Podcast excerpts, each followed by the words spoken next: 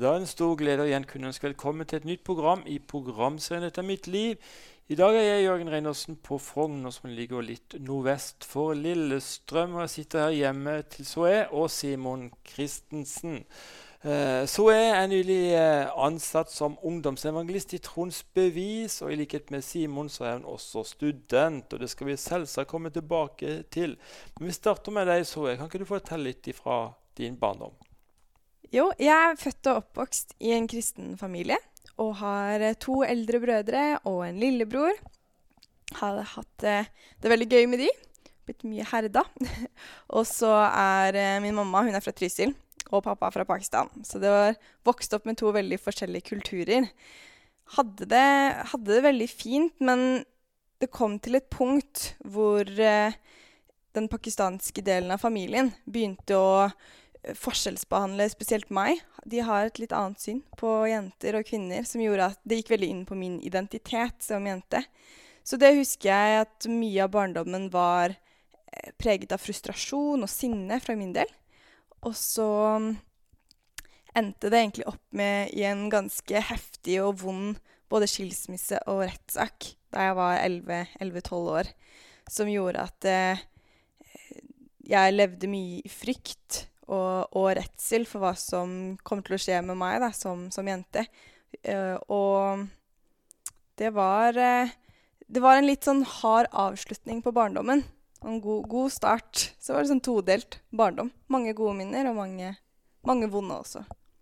11-12 år, og så blir foreldrene skilt. Du er i en mm. sårbar, alder, sårbar alder da? Ja, veldig. Og jeg valgte jo ikke å ha noe kontakt med den pakistanske delen. og pappa, da. Så jeg var jo med mamma hvor vi havna i fattigdom. Så det var både identitet i forhold til jente, men også i en tid hvor du skal bli ungdom, du ønsker deg fine klær, du ønsker å være med på aktiviteter, ha riktig utstyr de forskjellige ting. Så det skapte nok veldig mange hull i identiteten min, var veldig mye aleine. Så da jeg begynte på ungdomsskolen, så prøvde jeg jo da å fylle disse hullene og finne identiteten min andre steder. Jeg trodde på Gud, men han var ikke noe praktisk til stede for meg. da. Jeg klarte ikke å eh, involvere han i livet mitt på den måten. Du ble skikkelig deprimert? Ja, jeg var eh, var vel gjennom hele ungdomsskolen hvor jeg på en måte var ganske sosialt sterk. Så på utsida så, så det nok ikke ut som jeg hadde det så vanskelig. Men så hadde jeg disse tingene hjemme og ting i bagasjen som tynga meg ganske mye. Og jeg blei etter hvert involvert i kirka, men det, når man ikke involverer Gud personlig, så kirka er ikke en erstatning for en personlig helbredende relasjon med Gud. Så for meg så gikk depresjonen veldig i baner helt til egentlig jeg begynte på videregående. Jeg hadde et veldig, veldig håp om at eh, videregående, det å starte på ny skole med nytt miljø, nye fester å dra på. Det kommer til å på magisk vis fikse alt sammen. Men eh, da jeg opplevde at ting ikke ble bedre, og at det mørke i meg fortsatt var der, eh, de vonde tingene Det var fortsatt noe tungt da, som hang i meg. Så traff jeg egentlig en veldig, veldig bunn som, ja, hvor depresjonen til slutt ikke slapp taket. Du vurderte til slutt å ta ditt eget liv? Ja, det Jeg var 16 år da jeg begynte Da håpet begynte å eh, Ja, begynte å miste håpet. Så da vurderte jeg å, å avslutte det. Men da Jeg hadde Det var nok et lite frø der fra barnetroa mi som gjorde at det må vel være en eller annen måte å fikse dette her på. Og så var det noe i meg som ikke klarte å gjøre det mot mamma rett og slett. Og det gjorde at jeg sparka fra meg en siste gang og klarte å spørre om hjelp. Og det Jeg er så glad for at jeg ble tatt på alvor da. Både sjelelig, fikk en fantastisk psykolog, men også, også åndelig, da. Mm. Ja, en fantastisk psykolog. Det må vi høre litt om. Ja, du faktisk så var det Det opplevde jeg som et veldig bønnesvar. Jeg hadde jo ikke blitt tatt så veldig mye seriøst av helsevesenet før, egentlig fordi jeg På utsida så det nok ut som om ting var veldig bra, og så hadde jeg en veldig kompleks barndomshistorie som nok ikke var så lett for folk å forstå. Eh, så da jeg fikk eh, Da jeg fikk min første psykolog, så hadde jeg ikke så veldig mye tro, på en måte, på at det skulle hjelpe. Og så forteller egentlig mamma da, historiene, for jeg orka ikke å prate så mye. Så det var mamma som fortalte historien min til psykologen, og så sa, husker jeg at psykologen min sa at du, jeg pleier ikke å gjøre dette her, men går det greit at jeg forteller litt fra min egen historie? Og så begynner hun å ramse opp ting som jeg, der, jeg kan ikke finne på hvor likt det var engang, eh, min egen historie, da. Så mange ting som var Passa så godt med ting jeg hadde opplevd. Og, og som om det var liksom toppen av gransekaka, så var hun kristen også, da. Hun psykologen. Dette er jo gjennom offentlig hjelp. Det var ikke en selvfølge at hun var det. Så det ble en veldig redning for meg. Veldig veldig godt å få sortert tanker og følelser og komme litt til bunns da, i hva som, hva som plagde meg. Følte du noe på skyld for at uh, dine foreldre gikk fra hverandre? Nei. Jeg tror nok ikke jeg, jeg, kjente på en skyldfølelse. Men jeg tror nok jeg kjente mer på kanskje en skam over å på en måte så disse perfekte familiene rundt meg, da. Og, og det var Jeg ønska så mye godt for min egen familie, Det var vanskelig å se øh, mamma syk. Og hun hadde et ekstremt godt hjerte, eller har et ekstremt godt hjerte, og var veldig, veldig god. Men Og jeg hadde nok mer dårlig samvittighet for ting som på en måte hadde skjedd mot henne, da. Og mye sånn urettferdighet og sinne.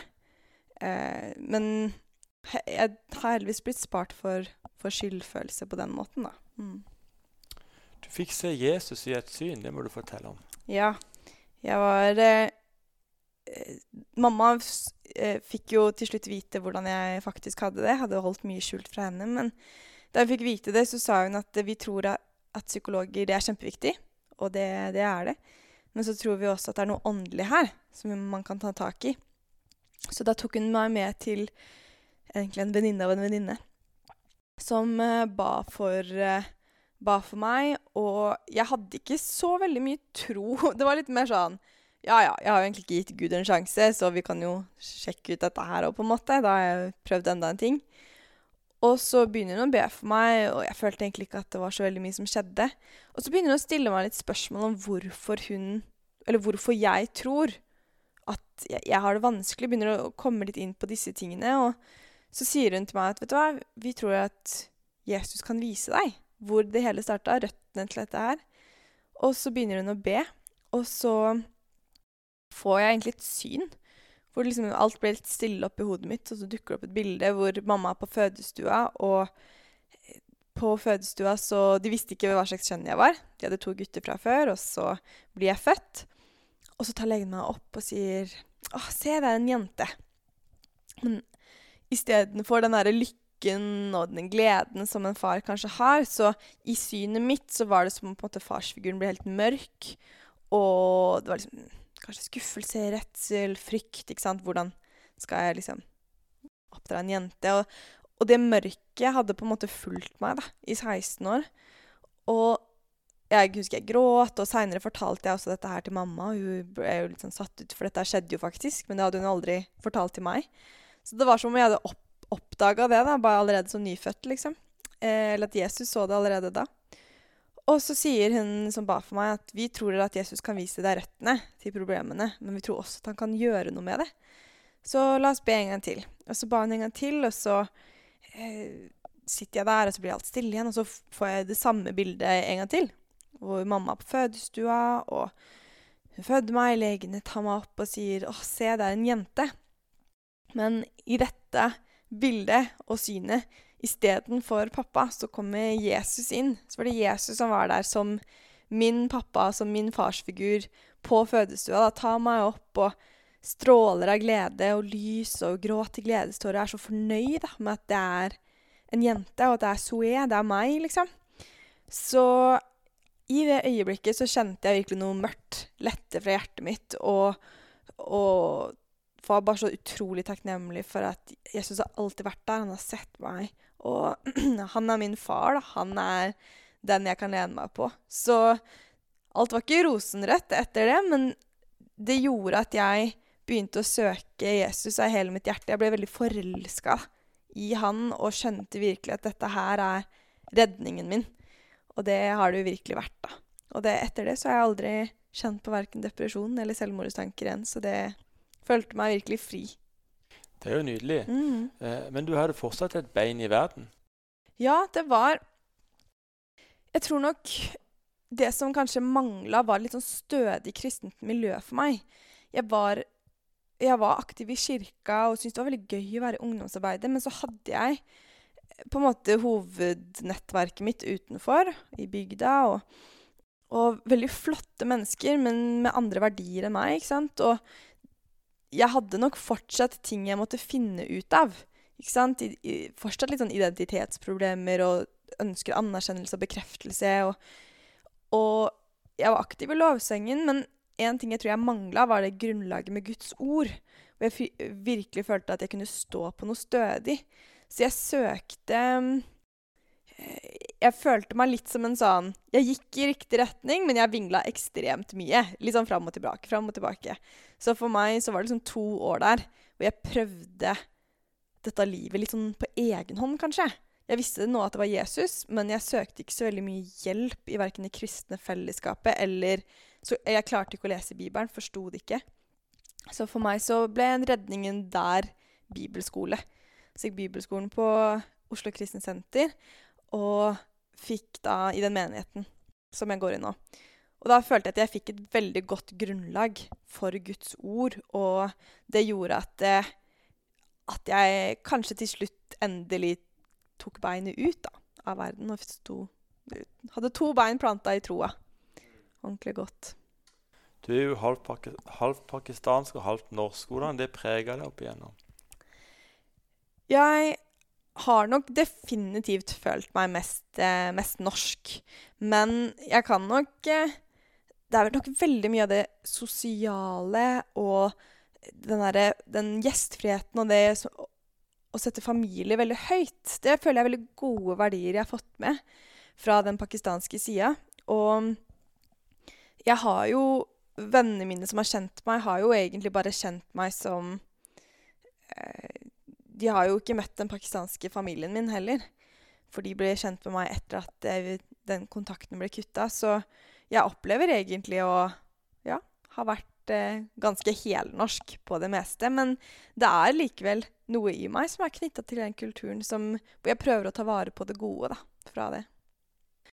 Kjære lytter, du hører på Dette er mitt liv. Mitt navn er Jørgen Reinersen. I dag tar turen til Frogner i Lillestrøm kommune og møter Zoe og Simon Kristiansen. Og nå, Simon, må vi bli kjent med deg. Hva kan du fortelle om din barndom? Min barndom den eh, vil jeg på mange måter si er delt eh, i to. Jeg har eh, Kall det Altså, det blir rart å kanskje bruke ordet normal barndom, men liksom ja, bodde på Skedsmokorset og hadde liksom venner i nabolaget osv. Men så um, er jo mine foreldre altså, gått i kirke og virkelig hatt lyst til å eh, gjøre noe for Gud, så de valgte faktisk å dra til Filippinene som misjonærer. Og som barn så du har jo ikke noe valg. Du blir jo med. Eh, så jeg eh, ble med og bodde da tre år på Katbalogan, som er eh, en liten by i Samar, som er liksom helt sør da, i Filippinene. Og der var det Det var mer enn bare sommerfugler eh, der, holdt jeg på å si. Eh, I form av insekter. Det var slanger, skorpioner. Men jeg fant meg veldig til rette der. Og i ettertid så har jeg egentlig vært veldig glad i Tarzan. Jeg lurer på om jeg kanskje identifiserer meg litt ekstra med han, fordi vi faktisk bodde altså i jungelen. Um, og det er klart Å være der, selv om man på en måte er ung og man skjønner kanskje ikke helt hva, eh, hva man er med på ikke sant? Ok, vi, eh, vi hadde jo eh, folk som trengte å høre om Jesus i Norge òg, men nå dro vi faktisk til eh, Filippinene. Og mine foreldre var med å både drive en kirke, men også en, en bibelskole hvor, eh, hvor, eh, altså, som var for å utruste de kristne sånn at de virkelig kunne forstå uh, hva livet med Gud handler om. Um, og så på en måte se at, at det betydde så mye der nede. Eh, ting som altså et, et, eksempel var jo at eh, de, de, rike bygde seg gjerne hus oppe i, eh, i liksom åsen eller litt oppe med fjellene, mens de fattige bygde nede ved vannet, fordi da var det lett å fiske og sikkert flere grunner som jeg ikke har helt oversikt over. Men det som var utfordringen da, var jo når det ble ordentlig stormvær, så kunne vi kjøre da fra Katbalogan og inn i Takloban, som var byen. Og så så du at stormen hadde rasert husene da, som sto ved, ved vannet. Og på veien vi kjørte på, så var det liksom sand, da, fordi det hadde blitt eh, blåst eh, og skylt opp på veien. Eh, og det på en måte bildet av at noen kunne Altså, En dag så var det hus der, og en annen så var det borte.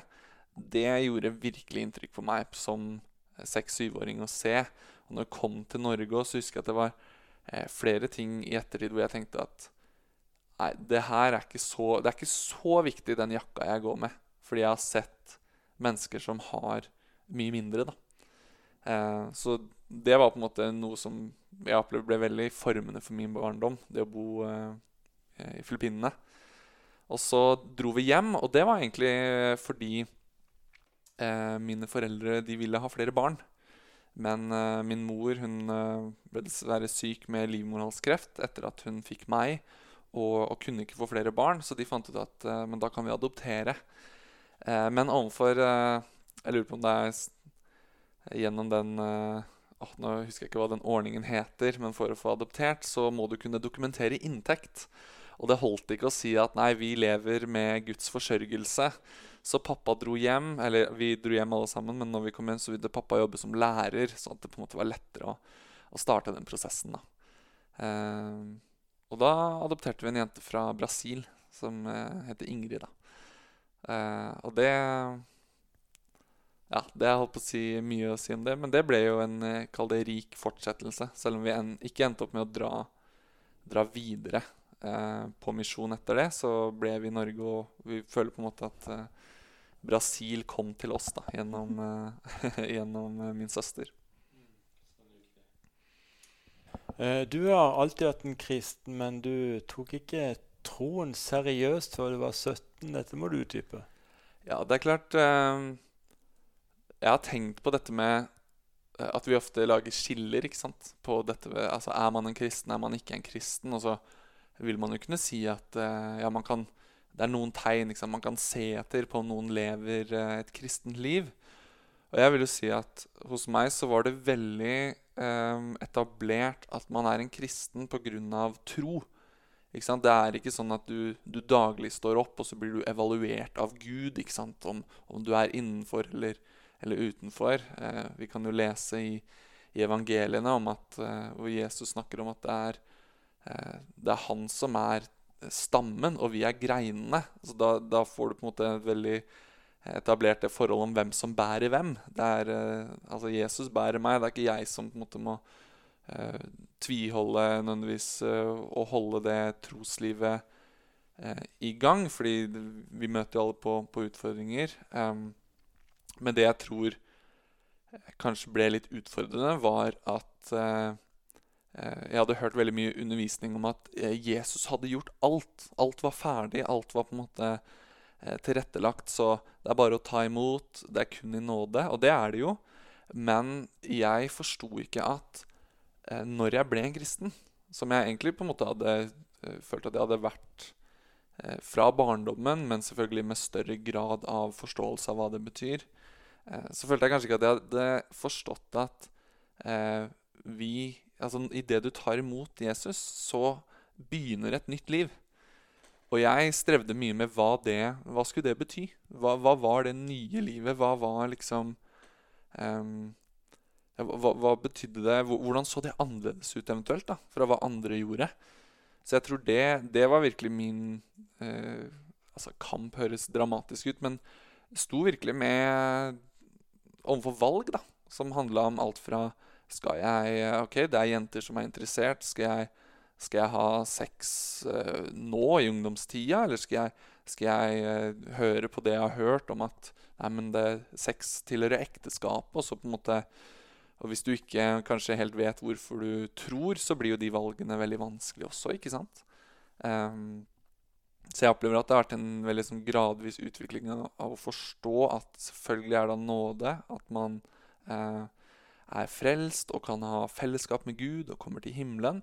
Men det er også eh, egentlig en frihet i at vi, eh, okay, vi tar imot Jesus, og så blir vi satt fri fra eh, depresjon og, og, andre ting som vi kan eh, søke Han for. Og da, hva gjør du på en måte med livet ditt da?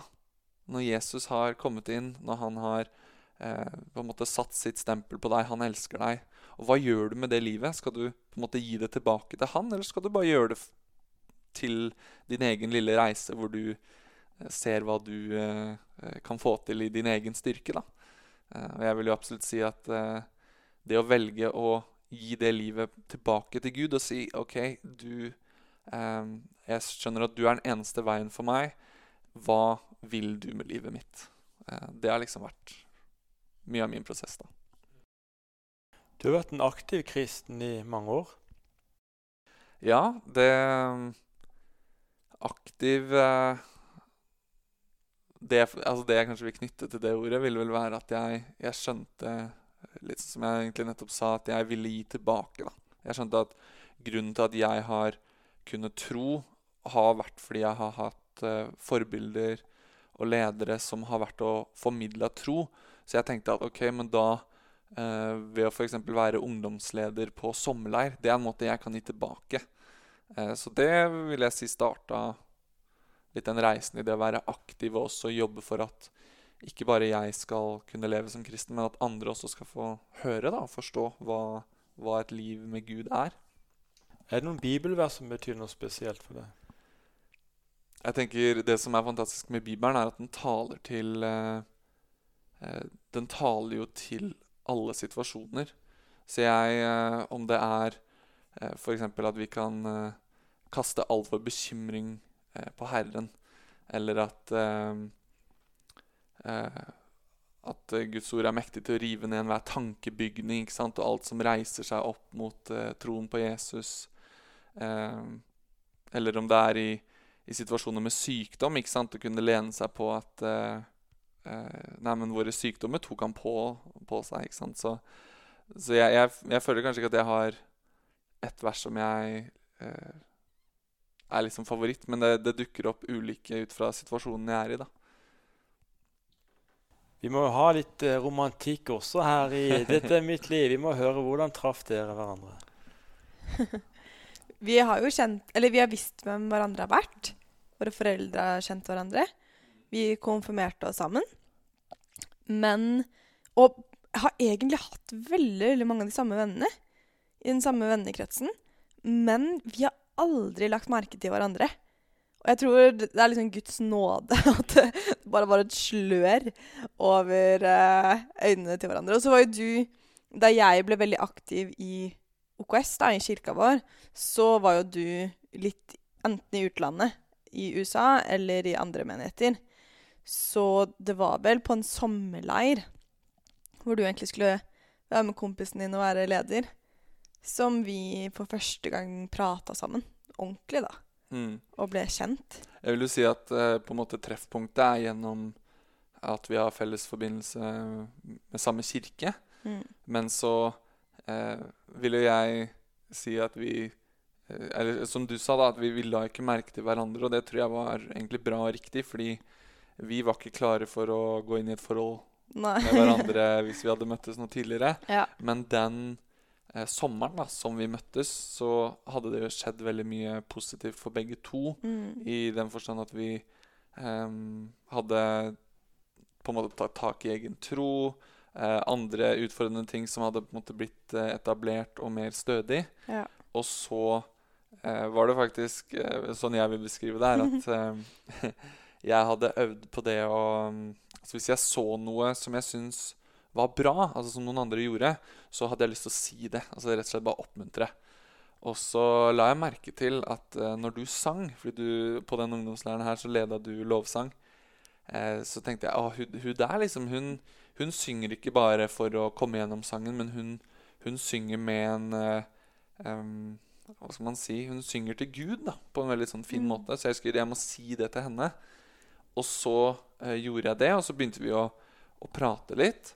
Og jeg la merke til at du kom tidlig på møtet, mens alle gutta dine lå og sov lenge i teltet. Og jeg bare Han satt der på andre rad og holdt av raden til kompisene sine med Bibel i hånda. Jeg bare Wow, hvem er, hvem er det, liksom? Og så skal det jo sies at um, At det, det er uh, Hva skal man si? Flere av de kristne jentene jeg kanskje hadde prata med tidligere, syns jeg Hva skal man si? Jeg, jeg, jeg, Det var litt milde. Ja, altså, jeg har kanskje litt frekk humor. Så når jeg da faktisk begynte å prate med deg og tulla med deg, Ja. og du virkelig bare Du, eh, altså, du fyrte jo tilbake. Jeg har jo Med- tre brødre. Jeg er jo veldig vant til å Jeg holder ikke igjen hvis noen driver Nei. og terger meg. Og jeg, jeg vil oppriktig si at jeg hadde ikke opplevd det før. Å bli liksom eh, ja, fyr- tilbake. Fyrt tilbake, og du liksom eh, ja, tulla med meg tilbake. Mm. Det, og det syns jeg var veldig attraktivt. da. Ja, så du ble liksom gradvis interessert i meg utover den høsten. Mm. Jeg var ikke interessert Eller ja, det var handla om min egen del. Jeg var veldig, veldig Det er klassiske 'ferdig med gutter', skal ikke Nå er det tid for Gud. Og så eh, Men da jeg skjønte at du var en skikkelig skikkelig bra fyr, det var rett før vi ble sammen, så gikk det veldig sånn fra null til 100. Da var det sånn fra 'du er en bra fyr' til 'deg skal jeg gifte meg med'. Mens du, da holdt du litt igjen. Så vi hadde litt sånn morsom eh, utvikling der. Men det blei ble oss til slutt, da. Herlig, herlig. Kjære lyttere, du hører på programmet sitt. 'Dette er mitt liv'. Og Simon, nå har du valgt en sang. Ja, jeg har valgt sangen 'Promises' av uh, Maverick City Music. Som er en sang som uh, jeg har opplevd har gitt uh, Altså Der hvor jeg kanskje har blitt navlebeskuende i mitt eget liv, så har den vært med å gi meg egentlig håp. Og det å kunne stole på at Gud han har gitt oss løfter som vi kan lene oss på. Så derfor liker jeg den. Du hører på programmet 'Dette er mitt liv'. Mitt navn er Jørgen Reinertsen. I dag sitter jeg og ser utover Lillestrøm, tror jeg. Det er helt nydelig her. Vi sitter her på eh, Frogner i Lillestrøm og så ser utover i nydelig vær. Og sitter her da i deres hjem, er og Simon Kristiansen, som er dagens gjester. Og eh, Zoe, du er jo evangelist i eh, Troens bevis, verdensevangelisering, som har tilholdt tilholdssted i Saronsdal. Hvordan i all verden lukka Gud den døra opp for deg? Jo, jeg har vært på sommerstevne i Saronsdal eh, nesten alle år. Vært på alle leirer og barneleirer. Og så var det vel egentlig at jeg var involvert i Youth Planet, som er ungdomsleiren i Saronsdal. Hvor jeg hadde begynt å preke så vidt eh, som 19-åring. Og Rune Edvardsen hadde fått med seg dette her. Spurte om jeg hadde lyst til å preke på sommerstevnet en gang. Og det var jo helt sykt for meg. Jeg tenkte han er gal, tenkte jeg aller først. Og det, det er han, men på en god måte. og så eh, fikk jeg den muligheten. Og jeg opplever det egentlig som at hjertet til spesielt eh, Rune, og egentlig veldig mange i Trons bevis, har jo vært dette med å satse på barn og ungdom. Ikke bare én uke i året på sommeren, men at man kan utvide det til et heltårsarbeid. Og så har de sett etter noen som kan bære dette her, og hadde nok litt meg i øyet. Og etter at eh, jeg hadde prekt, og de har jo blitt litt kjent med meg gjennom ungdomsleiren, så, så tok Rune vel en satsing da, og spurte om jeg kunne vært interessert i å jobbe i Troens bevis. Og jeg studerer jo teologi og ledelse på HLT, men det er veldig greit å kombinere jobb ved siden av der. Så vi tenkte vi starter med en 50 %-stilling, og så eh, være med å starte opp da, denne ungdomssatsingen spesielt. Og være med å, å preke. For å egentlig satse litt mer inn mot Norge. Vi har vært utrolig gode internasjonalt, og nå er det på tide å rette seg mot den generasjonen som vokser opp i Norge nå, da. Og så skal jeg inn i 100 nå til, eh, til høsten, så jeg føler det er bare et fantastisk bønnesvar, egentlig. Mm. Så spennende. Hva er det du ønsker å formidle til de unge i dag?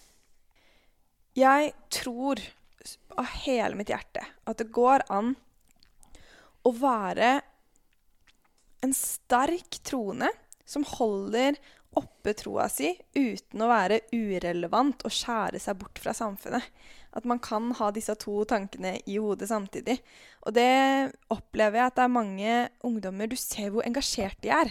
Men det, det engasjementet blir ikke retta inn mot Jesus og mot Guds rike. Og jeg tror virkelig at vi kan reise opp en generasjon som er lys og salt eh, på sine skoler og i sine familier og i sine vennegjenger med ja, med troa høyt oppe uten å, uten å bli urelevant og sære. Men at man kan være seg selv, da. Så det er en ting som, eh, som jeg virkelig brenner for. Simon, du er også engasjert i Troens bevis. Ja, man blir jo på en måte dratt med da, når eh, Altså, jeg så jeg blir sammen og etter hvert gift, og så har jo du vært der i mange år. Eh, så da ble jeg med som eh, da gruppeleder på sommerleir. Og vi skulle liksom finne ut om ja, er dette noe vi kan gjøre sammen. Dette er jo da eh, tre år siden. Og så eh, eh, gikk det jo ganske fort, hvor vi eh, egentlig ble spurt om vi hadde lyst til å lede denne leiren sammen. Så eh, vi har på en måte gått inn i, i lederansvar eh, opp mot ungdommer der. Og ja, har egentlig syntes det har vært, vært veldig spennende. Og med tanke på litt sånn som jeg delte med min misjonsbakgrunn òg, så syns jeg det er, er spennende å ha et, eh, et fokus som er bredt, og som handler om å nå de som ikke har hørt. da. Har dere fått et konkret kall om å stå i den tjenesten? Jeg opplever absolutt at eh, eh, Hvis du tenker at eh, all, jeg, jeg tenker at alle skal eh, Eller det er godt for alle kristne å være involvert i den lokale kirken. Kirken der hvor du eh, bor, der du holder til. Men så er det jo også sånn at Gud, han, eh, han har kalt eh, Eller han legger ulikt eh, kall på ulike mennesker, og vi Uh, uten at det på en måte trenger å gå imot det man gjør i den lokale kirken, så, så opplevde vi at ja, vi, åh, vi, vi må få gjøre noe hvor vi er med og setter fokus på ja, de som ikke har hørt, og også eh, folk i land som, som ikke har eh, de ressursene vi har òg, da.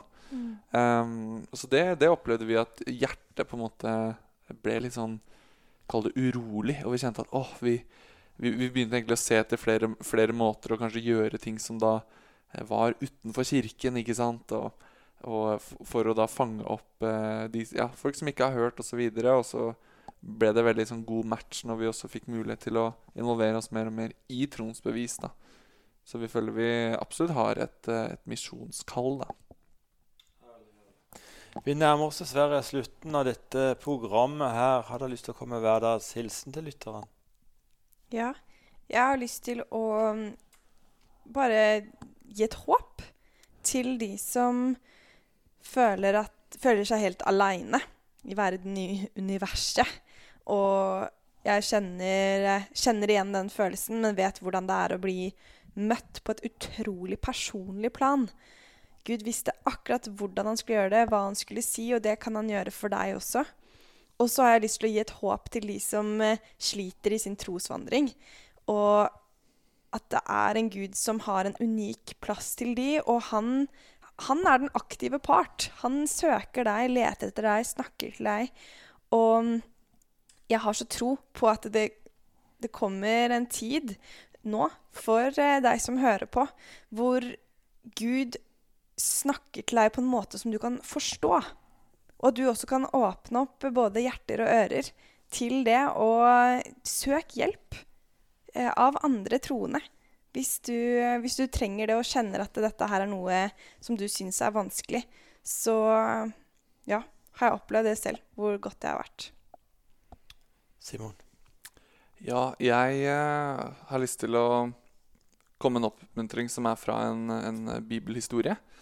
Som er eh, om Jakob og Esau, som var to, eh, to brødre.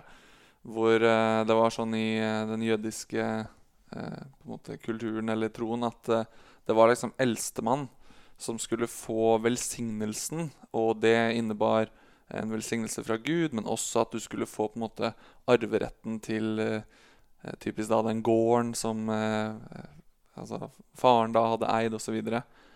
Um, men så er det en, en ganske spesiell historie hvor eh, eh, Og nå skal ikke jeg gjengi hele den, men han Esau han eh, har vært ute og, og Jeg lurer på om han har jakta. Og så er han ordentlig, ordentlig sulten og sliten og trøtt og lei og kommer eh, hjem. Og så har eh, Jakob han har, eh, han har vært hjemme, og han har lagd noe mat. Og så eh, sier han Esau at jeg, jeg, må få, jeg må få noe av den maten. Så sier Jakob eh, ja, du skal få mat, men da må du gi meg din eh, altså arveretten. Da Da skal jeg ha velsignelsen og liksom arveretten din.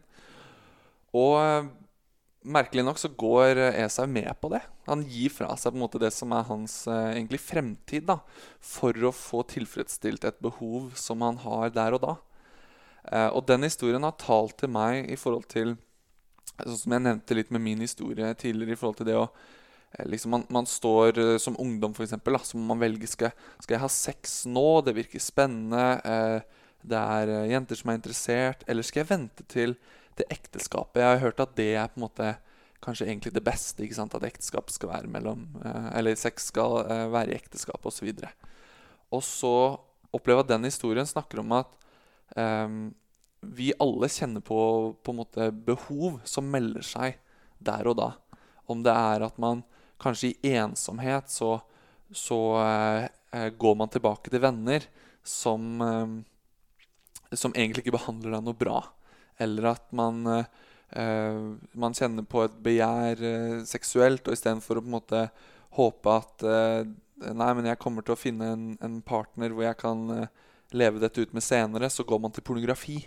Mm. Sånn at det å rett og slett egentlig holde Altså tro på at det ligger noe godt der framme, istedenfor å bare eh, Eneste uttrykket jeg kom på, er dette med 'settle for less'. Altså at du, du, godtar noe som er mindre og dårligere enn det som egentlig ligger der framme.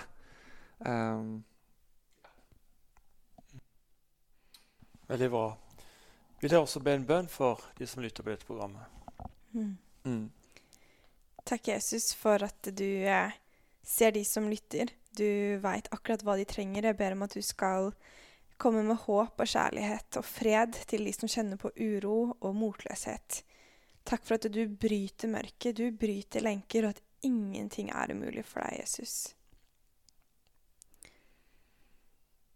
Mm, yes, jeg takker deg, kjære Gud, for at uh, uansett hvor vi er, så, uh, så kan du møte oss, og du vil høre fra oss.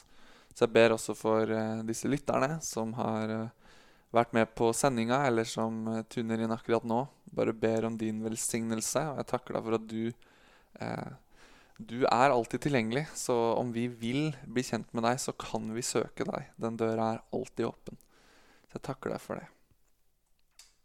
Amen, amen. Så er og Simon Kristiansen, hjertelig takk skal dere ha for å takke ja til å være gjest i dette programmet. Må Gud rikelig velsigne dere og den tjenesten dere står i i årene fremover. Tusen takk.